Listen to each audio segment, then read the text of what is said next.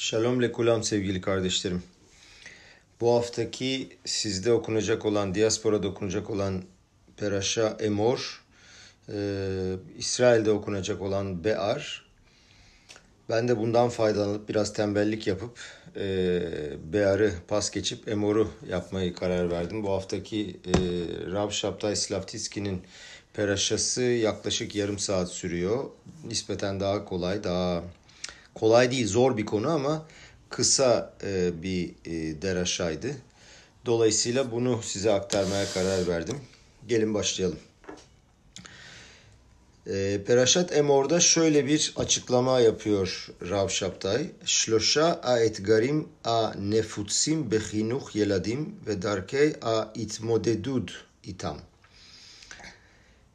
Diyor ki çocukları eğitirken karşılaşılan üç tane yaygın zorluk. Edgar aslında challenge demek. Edgar zorluk nedir ve bunlarla başa çık- çıkabilmenin yolları nedir? Yani dolayısıyla eğitimi konuşacağız ve tartışacağız. Çocuklara nasıl eğitim verebiliriz?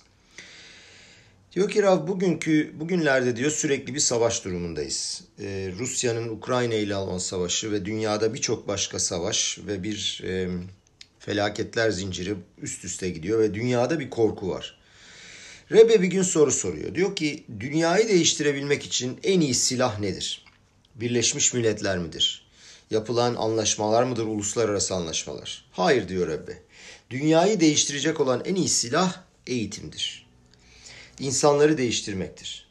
Ve bizim e, değer sahibi, mantıklı veliler olarak, akıllı veliler olarak çocuklarımıza miras bırakacağımız tek şey var olan paramız değildir bizim ne olduğumuzdur. Tam da burada işte problem başlıyor sevgili kardeşlerim. Günümüzde herkes dönemin gençlerini eğitmenin çok zor olduğunu söylüyor. Hatta bazı insanlar diyor ki şu anda bizim gençlere sadece bilgi aktarmamız lazım, enformasyon vermemiz lazım. Bundan daha fazlası mümkün değil. Şöyle bir fıkra anlatırlar. Bir keresinde öğretmen öğrencisi İshak'a sorar.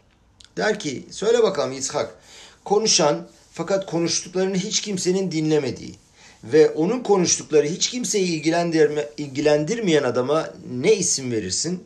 İshak cevap verir. Basit hocam, öğretmen. Aslında bu bizim neslimizin en büyük problemidir. Eğitimin sırrı ve anahtarı nedir? Eğitimin birçok kuralı olduğunu söyleyen çok insan vardır ama bütün bu kuralların içinde öyle bir kural vardır ki kural yok der. Yani her genci eğitmenin kendi yolu ve yöntemi vardır. Fakat her halükarda bugün tüm eğitim sisteminin sırrı olabilecek olan bir kural öğreneceğiz. Rebbe'nin bize öğretmiş olduğu ve e, bu haftaki peraşaya çok bağlı. İsm, Emor peraşasına çok bağlı. Akadosh Baruch diyor ki Emor'da Emor ela koanim ve amartalem Kohenlere konuş ve onlara şunu söyle. Rashi Midrash, Rashi ve Midrashlar diyor ki ne demek emor ve amarta? Bunlar aynı kelimelerin lomar kelimesinden çıkan kökünden çıkan kelimeler. Emor ve amarta. Diyor ki büyükleri küçükler hakkında uyarmak. Yani Kohen olan çocukları tame yapmak yani onları kirletmemiz yasaktır. Hem Kohenlere hem de İsrail'e onları tame olabilecek bir pozisyona sokmak yasak. Yani bu ne demek oluyor? Onlar o mitzvalarla ilgili zorunlu olmasalar dahi bizim onlara rehberlik yapıp onlara yol, yol göstermemiz gerekir. Tora'da bu kuralın söylendiği iki tane daha yer vardır. Bir tanesi Perashat Şmini'de Tora, Torat Şratsim, böcekler ve bilumum sürüngenler. Böcekleri yenmesinin yasak olduğunu söyleyen bölüm. Lotohlem ki şekethem yemeyeceksiniz diyor. Onlar şeketstir, onlar böcektir. Gemara Masehet Yevamot'ta diyor ki lotohlem ne demektir? Tahilem, leahil yani yedirmek. Bunu çocuklara vermeyin diyor, küçüklere vermeyin. Yani lazir agdolim alaktanim. Büyükleri küçüklere küçükler hakkında uyarmak. Enteresandır. Tora aynı şeyi üç yerde, üçüncü bir yerde daha söylüyor. Ahare Mod Peraşası'nda. Hangi bölüm? Tora'nın bize kan yemenin yasak olduğunu emrettiği yerde. Ve alka, ve alken amarti lebne İsrail kol nefeş mikem lo tohal dam ve lo yahel dam. Ve bunun üzerine tüm İsrailoğullarına söyledim. Aranızdaki tüm nefeşler, tüm kişiler kan yemesinler ve yedirmesinler. Midrash da aynı şeyi söylüyor. Gmara Masehet Yevamot aynı şeyi söylüyor. Ne diyor? Leazir agdolim lektanim. Büyükleri çocuklar hakkında uyarmak. Burada meşhur soru geliyor. Niçin Tora üç ayrı yerde aynı fikirle gelip büyükleri çocuklara karşı uyarıyor? Niçin bunu üç kere yapmak zorunda? Niçin görünürde aynı şey olan bir konu hakkında üç tane değişik vaka var? Tora'da 365 tane yasak var. Yapma emri var. Lotase. Tora bir tanesinde bunu söyleyecekti. Ben de hepsini öğrenecektim. Veyahut Tora basitçe şöyle diyebilirdi. Büyükler çocukları yasak addedebil adde addedilebilecek durumlara sokamazlar. Aslında bu yasak çocuklar için değil, büyükler içindir. Özel bir yasak durumu yapsaydı, niçin Tora bu yasağı üç değişik kanunla belirtmeyi seçti de bir kanunla veya bir vakayla seçmedi? Rebbe 1944 Tavşin Dalet yılında Okto Jung adlı birine yazmış olduğu bir mektupta şöyle yazdı. Aslında diyor ki Rav e, bu adamın neler yaptığını anlatabilmek için yazılan bu sohbette e, so, e, bu yazılan mektup hakkında büyük bir sohbet yapılabilir ama bu mektupla yazılanları anlatmadan önce diyor ki bir akdama bir giriş yapalım. Zamanımızda ebeveynler ve eğitmenler eğitim bugün niçin bu kadar zor diye sordukları zaman niçin işimizde başarılı olamıyoruz diye sorduklarında, niçin bu pedagoji, öğretmenler, rehberler ve seminerler olduğu halde çok da fazla eğitmeyi başaramıyoruz dediklerinde, buna cevap olarak üç tane sebep vardır. Hatta bu üç tipte olan çocuklarla ilgili bunları sakın eğitmeye kalkışmayın, başlamayın bile diyenler bile vardır. Yani diyor ki onlara bilgi verin, enformasyon verin ee, ve çünkü daha fazlasını yapamazsınız, başaramazsınız. Gelin bunların hangi tipte çocuklar olduğunu bir görelim. Üç değişik konu var dedik. Üç değişik çocuk tipi var. Birinci tiptekiler hiç umurunda bile olmayan çocuklardır. İlgisiz, kayıtsızdırlar ve görmezden gelirler. İlgisizlikleri ve duyarsızlıkları limit tanımaz ve hiçbir şey umurlarında bile değildir. Her istediklerini yaparlar ve son derece şımarıktırlar. Kendi işlerine ve düşüncelerine dalmış, e, kayıtsızlıkla cehalet arasındaki fark nedir diye sorsanız bana ne ya umurumda bile değil diye cevap verirler. Belirli bir şeye bağlıdırlar. Sanki o bağlandıkları şeye satılmışlardır. Onlar tarafından satın alınmışlardır. Bugün iPhone ve türlü telefonlar ve bilgisayarlar ve sosyal medya var ve 30 saniyede bir insanların dikkatini çeken birçok haber ve mesaj geliyor. Facebook'tan gelen mesaja bakması lazım, ona cevap vermesi lazım. Dolayısıyla bu belirli şeylere kendilerini satmış durumdalar. Konuşacak kimse bulamıyorsunuz karşınızda. Üçüncü grup ise otoriteye karşı alerjileri olanlardır. Bana sakın ne yapacağımı söyleme. Bu senin işin, senin görevin değil. Bu şekilde konuşurlar. Herkese meydan okurlar. Onlara yaptırmak istediğin her şey hakkında onların fikrince anlayabilecekleri açıklamalar ve sebepler söylemek zorundasın. Eğer onlar bunu anlamıyorlarsa onlara bunu izah etme veya onlara ulaşma şansın kesinlikle yoktur. Şimdi Rebbe'nin mektubuna geri dönelim. Rebbe aslında diyor ki Tora'daki yasak olan konuştuğumuz üç adet olayla bu işte şiratsim, kan ve e, koenleri tame yapma yapma dediğimiz olayla bu üç çeşit demin açıkladığımız üç çeşit genç tipi tamamen birbirleriyle çakışıyorlar. Bir tane gruba gelin bakalım. Birinci olayda Tora bize diyor ki böcek yemek yasaktır. Gımara'ya göre böcekler kişinin zaten hiç hoşlanmadığı hatta tiksindiği şeyler. Karakter özellikleri açısından insanların zaten canları çekmez bu tip böcekleri. Yerde dururlar, pistirler, güzel görünmezler. Onları zaten hiç istemeyiz. Eğer birinin onları yediğini görürsen bunu açıklayabilmenin iki tane şekli vardır. Ya bu adam kaba, sakar, görgüsüz, maddiyatçı bir adamdır. O kadar ki bu adam normal, güzel, hoş bir yemekle bu böcekler arasındaki farkı anlayamaz bile. Onlar için sadece bu herhangi bir yemektir. Başka bir sebep daha olabilir. Adam Tanrı'ya veya Yahudiliğe veya ebeveynlerine o kadar çok kızıyordur ki onları itebilmek için elinden gelen her şeyi yapıyordur. Onlara isyan etmek için yapıyordur. Ebeveynlerinden intikam almak istiyordur. Belirli bir yerde onun fikrine göre ebeveynleri yapmak zorunda oldukları şeyi yapmamışlardır. Bu yüzden öyle bir duruma kendini düşürüyordur ki kızgın, kayıtsız ve isyankar olmuştur. Onu eğitebilmek imkansız hale gelmiştir ve kesinlikle işe yaramaz.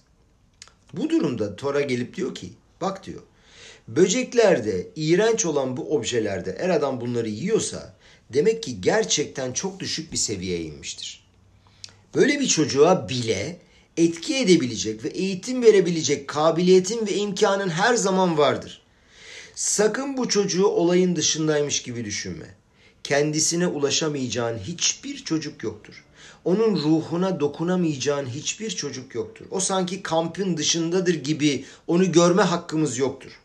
Ona ne yapmamız lazım? Ona ulaşabileceğimiz anahtarı ve doğru kelimeleri arayıp bulmak zorundayız. Onun benliğine girebilmek için bize imkan verecek fikirleri bulmamız gerekir. Gerçekten böyle bir çocuğa acaba nasıl ulaşabiliriz?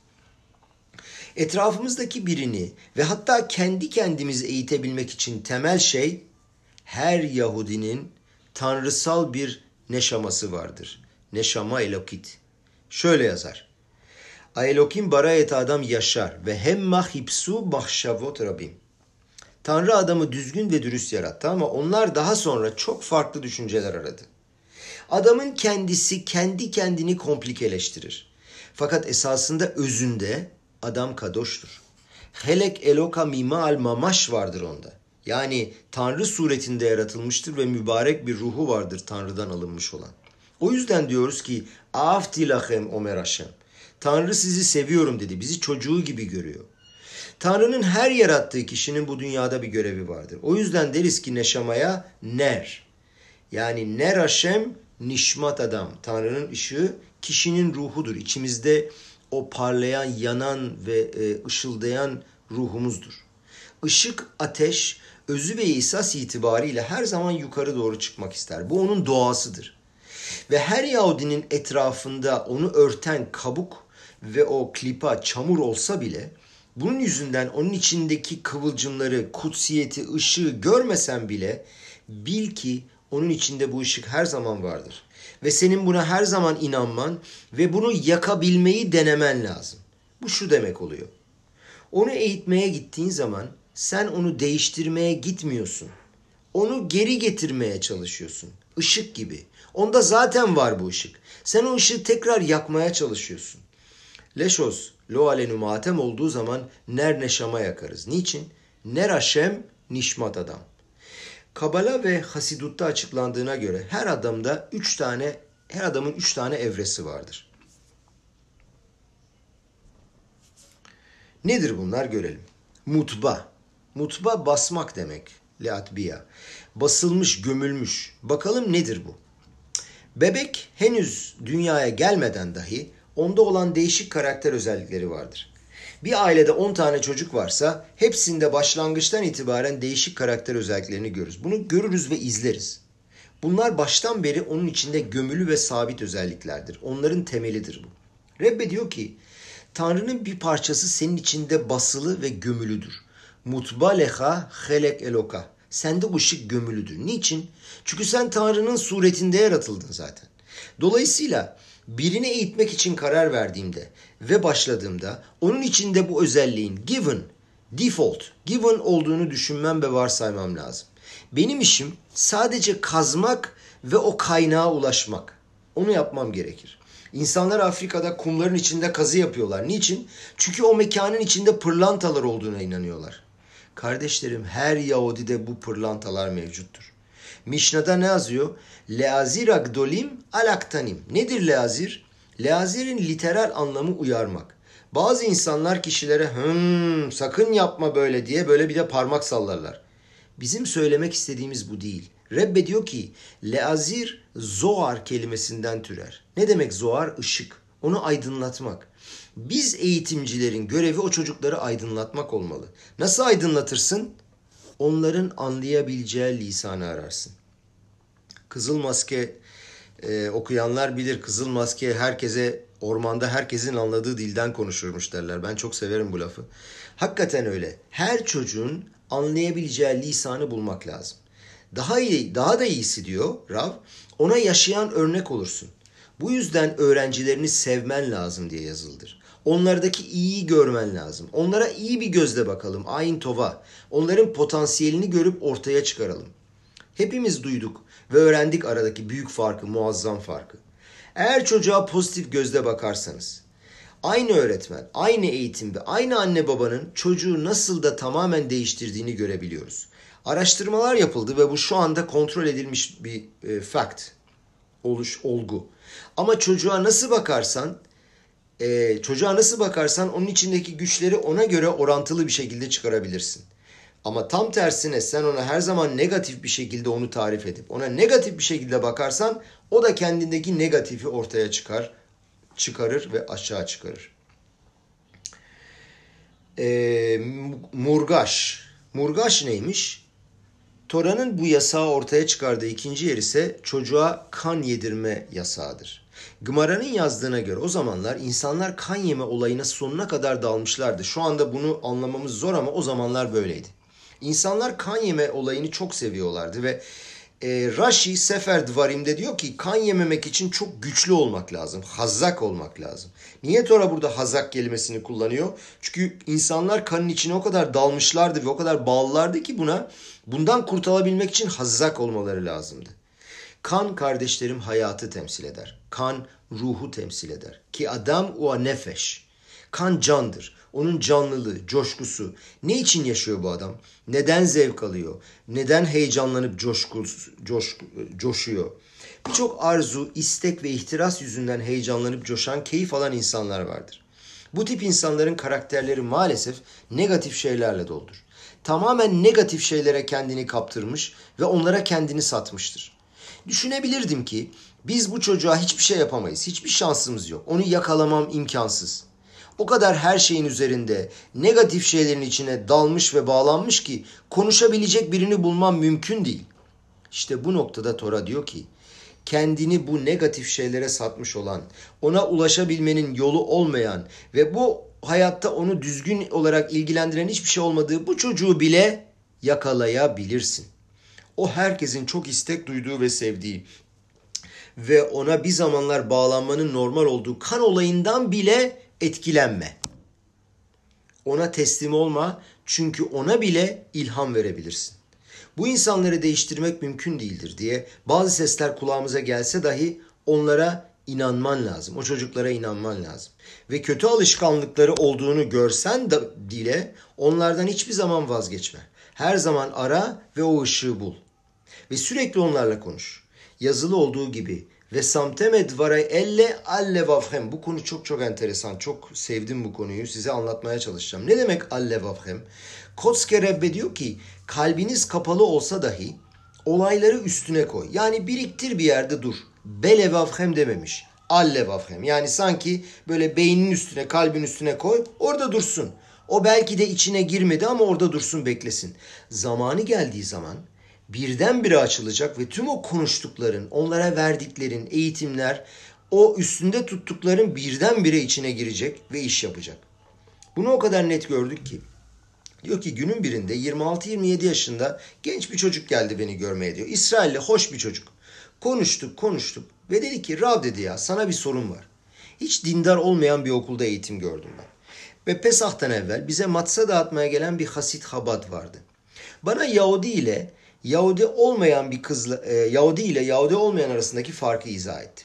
Ben şu anda diyor dedi e, Yahudi olmayan bir kızla birlikte yaşıyorum ve onu seviyorum. Onunla evlenmeyi çok istiyorum ama birdenbire o Rav'ın bana anlatmış olduğu şeyler aklıma geldi. Belki de sen onun bana söylediklerini tekrar izah edebilirsin. Ona şöyle dedim diyor Rav. Üzgünüm demiş. Ben sana o Rav'ın anlattıklarını izah edemem ama şu anda ne bildiğimi sana anlatabilirim ve bildiklerimi ona anlattım. Ve bu açıklamalardan sonra bu çocuk, bu genç çocuk o Goya kızı terk etti. O kadar yıl evvel düşünün birisi ona bazı kelimeleri fırlatmış. İşte allevavhem bu. Birdenbire açıldı ve o kelimeler onu etkiledi ve kalbine girdi. Peki biz bunu nasıl elde edebiliriz?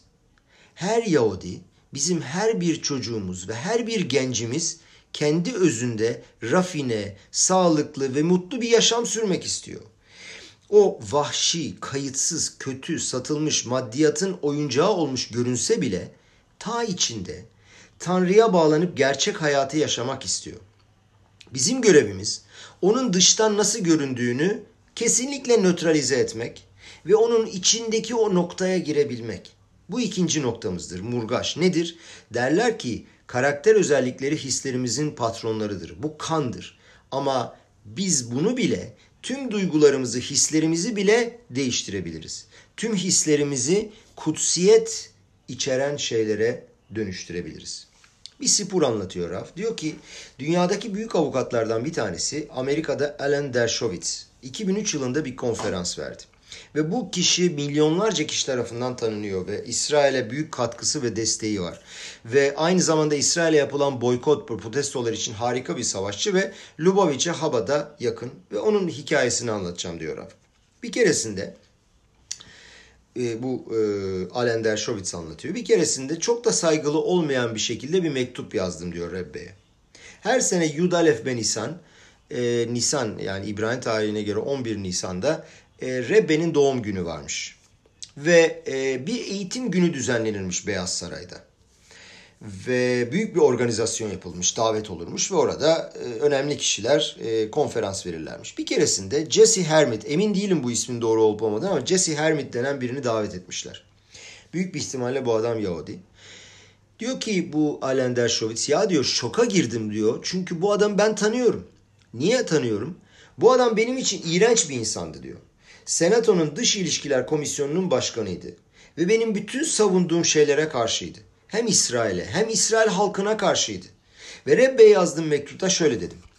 Amerika'daki tüm Yahudi değerlerine karşı olan böyle bir adama nasıl böyle bir kavod verirsiniz? Nasıl böyle bir onur verirsiniz? Sizin doğum gününüz onuna düzenlenmiş olan bu günde nasıl böyle bir adama konuşma imkanı verilebilir diye sordum. Ve cevap aldım. Çok saygılı bir şekilde yazılmış bir mektup aldım. Rebbe'nin her zaman yazmış olduğu gibi süper saygılı bir şekilde. Şöyle yazdı Rebbe. Yazdıklarınızı gerçekten çok takdir ediyorum. Fakat bununla ilgili size başka bir şey daha söylemek istiyorum. Hiçbir zaman hiç kimseden vazgeçemezsiniz. Yasaktır. Her Yahudinin öteki dünyada yeri vardır. Hepsinde bir neşama vardır. Şu anda doğrudur ki evet o İsrail karşıtı olabilir. Fakat bu bugünkü durum. Yarın ne olacağını bilmiyoruz. Fakat eğer ona nasıl davranacağımızı ve onunla nasıl konuşacağımızı bilirsek ortaya çıkıyor ki aslında o İsrail'e çok destek veren birisi. Bazen kişiye verdiğimiz onur onun geçmişi yüzünden değil, geleceği içindir. Şu anda ona vermiş olduğumuz değer onun geleceğini değiştirmeye etki edecektir.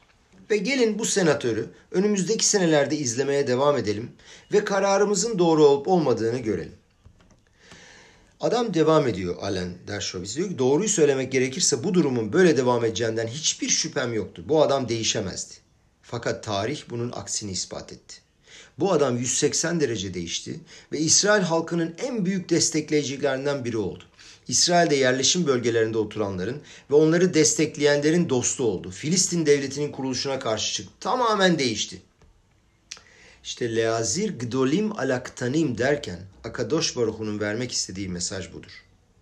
Bir nokta daha var. Üçüncü bir nokta muskal.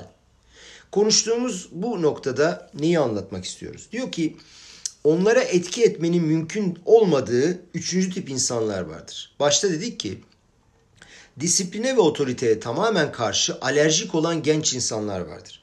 Ve ona bu şekilde yap diye söylendiğinde o tam tersini yapacaktır. O tamamen kendini hür hissetmek istemektedir. Her şeyi anlaması ve anlatılan şeyin onun mantığına uyması lazımdır. Eğer olaylar onun aklına yatmıyorsa kesinlikle yapmayacaktır. Tora'nın üçüncü kere yasakladığı nokta neredeydi? Kohen olan çocukları kirletmek. Bu haftaki peraşa, emor. Tame yapmak yasak. Tuma olayı Rebbe'nin izah ettiğine göre, hepimizin anladığına göre tamamen mantık dışıdır. Niçin orada emor ve amarta le azir gdolim alaktanim diye yazıyor? Yani niye çocukla, büyükleri çocuklara küçüklere karşı uyarsınlar diye yazıyor. Hiçbir şekilde etkileyemeyeceğin bu üçüncü grup ki her şeyi anlamaları lazım. Onlara anlattığınız şeylerin mantıklı olması lazım. Ve onların da bunu kabul etmeleri lazım. Tuma kanunları bizim bütün görüşümüze ve algımıza meydan okumaktadır. Bunları anlamak mümkün değildir. Biliyoruz ki Tora'da üç tane, üç tip mitzva vardır. Birimi, birisi mantığımızla anladığımız emirler. Yani çalma, öldürme gibi. Ki bu tip emirleri herkes mantığıyla, aklıyla anlayabilir. İkincisi Şabatta dinlenmek ve matsa yemek gibi üçüncü tip emirler vardır ki biz tek başımıza olsaydık bunları söyleyemezdik. Fakat bu emirler verildikten sonra bu emirlerin niçin verildiğini ve anlamını anlayabiliyoruz. Beyin kalbe boyun eğiyor gibi. Bir de hok, mantık dışı emirler vardır. Tuma da bu tipte beynimizin anlayamayacağı tipte bir emirdir. Tora sana diyor ki sen kendi kendine diyorsun ki kendi mantıksal değerlerin çevresinde bu çocuğu ben eğitemem diyorsun. Halbuki Tora gelip diyor ki bak diyor Tuma kanunları hakkında bile mantık dışı şeylerden bahsedildiğinde bile çocuğunu bir şekilde bu konuda bile eğitebilirsin. Niçin? Aynı konuştuğumuz nokta yüzünden. Çocukta helek eloka mimal vardır. Tanrısal bir ruh vardır. Ve o çocuk o ruhu Aşem'le olan o bağlantıyı hisseder. Ve ta içinde derinliklerde ve bilinç altında o ruh hisseder ki bu hisler mantığının ve anlayışının üstündedir. Bazı insanların düşündüğü ve söylediği gibi bir takım şeyler mantığın ve beynin anlayacağı şeklin üstündedir. Ve ben onu anlayamam şeklinde değildir. O beynin de üstündedir. Fakat eninde sonunda beyin de yaratılmış olan bir organ. Beynin bütün faaliyetleri de yaratılmıştır. Aşem'de en lama yoktur. Lama diye bir şey yoktur. Öyle bir konsept yoktur. Niçin diye bir konsept yoktur. Lama yomru agoim. Bunu Yahudi olmayanlar söyler. Eğer çocuk benim ona söylediğim şeyin ve kurmak istediğim otoritenin ona hükmetmek için veya ona boyun eğdirmek için olmadığını hissederse ve tam tersine gerçek olan fikri ona getirmek istediğimi anlarsa ve bunun dünyadaki gerçek hayat yolu olduğunu anlarsa, benim Tanrı ile bağlantım olduğunu anlarsa, o çocuk sevinçle ve keyifle Tuma'nın bu kanunlarıyla güçlenecek ve onları anlayacaktır. Mantık dışı olan bir şey olsa bile tam tersine kendinden daha derin bir olguyla olan gerçek bir bağlantı ve ilişki hissedecektir. Psikologların yapmış olduğu bir araştırma var. Gençler bugün ne arıyorlar? Gençler bugün şunu arıyorlarmış. Onlar kendilerinden daha üstün olan şeylerle bağlantı kurmak istiyorlar. Onların bağlı anlamadığı ve kendi seviyesinin daha üstünde olan şeylere bağlanmak istiyorlar. Ve bunu bütün enerjileri, bütün canlılığıyla yapmaya çalışıyorlar. Özellikle de bunu bir grupla birlikte yapmak istiyorlar. Aslında bu enformasyonun ve bilginin amacı ve bunun en üst noktası ne? Ben bu enformasyona ulaştım ve bu işi bitirdim diyebilmek. Yani öyle bir noktaya geleyim ki bu noktayı bilmiyorum demek. Şimdi bunu bilmiyorum deme noktasının da iki durumu var. Hatırladığım kadarıyla diyor, şöyle anlatıyor Rav. İki bir birisi diyor doktora gidiyor. Sağlıklı olmayan birisi doktora gidiyor ve küçük bir çocuk diyor ki ya götürmeyin diyor bunu doktora. Hiçbir şey yok bunun diyor. Doktora gidiyorlar. Doktor kontrollerini yapıyorlar ve diyorlar ki hakikaten hiçbir şey yok. Çocuk diyor ki söylemiştim size diyor bir şeyin olmadığı. Bir de bilmediğini burada biraz raf karıştırdı işi ama sadece atacağım size çünkü biraz zordu. Bir de bilmediğini bilen kişiler de vardır, bilmediğini bilmeyen kişiler de vardır. Mesela Einstein bilmediğini bilen bir kişi. Ne diyor? Diyor ki Einstein, birçok daha birçok şey öğrendikçe ve Tanrı'nın yaratmış olduğu şeyleri daha derinlemesine inceledikçe bir şey bilmediğimi daha iyi anlıyorum. Yani bir şey bilmediğim gerçeğini anlıyorum. Aslında hiçbir şey bilmiyorum. Ve Rav kendi kişisel bir sipurunu anlatıyor. Seneler evvel diyor bir de oğlumuz doğdu. İsmini Yakov Baruch koyduk. Ve henüz Brit'ini yapmamıştık. Yani 8 günlük bile değildi. Kontrollerde görüldü ki kalbinde küçük bir problem vardı. Büyük bir hastanede çok ünlü bir doktora gittik. Gerekli tedavileri yaptılar ve sonunda maalesef çocuğumuzu kaybettik ve gökyüzüne çıktı. O büyük ve ünlü doktora sordum nasıl oldu bu diye. Şöyle anlattı bana. Kalbin içinde mili milimetre inceliğinde bir damarın olması gerektiği gibi olmadığını izah etti. Olması gerektiği gibi değildi. İyi de sordum ona nasıl olabilir doktor dedim. Yahudi olmayan bu Goy meşhur doktor bana şöyle bir baktı ve dedi ki Rabbi dedi senin gibi inanan birinin bana bu şekilde soruları sormasına çok şaşırıyorum. Mucize onda bu nasıl oldu değil. Bu dünyada yaşayan 7 milyar insanda bunun nasıl olmadığıdır. tıp ilmini ne kadar çok öğrenirsen ve insanın nasıl komplike olduğunu daha çok öğrendiğinde milyarlarca hücrenin, damarın ve sinirin uyum içinde çalışması gerektiğini öğrendiğimde ve bunların içinde bir tanesi bile gerektiği gibi çalışmadığı zaman saniyeler içinde bir insanın bu dünyada olamayacağını öğreniyorum. Ve o zaman bilmediğimi biliyorum ve anlıyorum. Sen mi soruyorsun bunları? Kim anlayabilir ki böyle şeyleri diyor.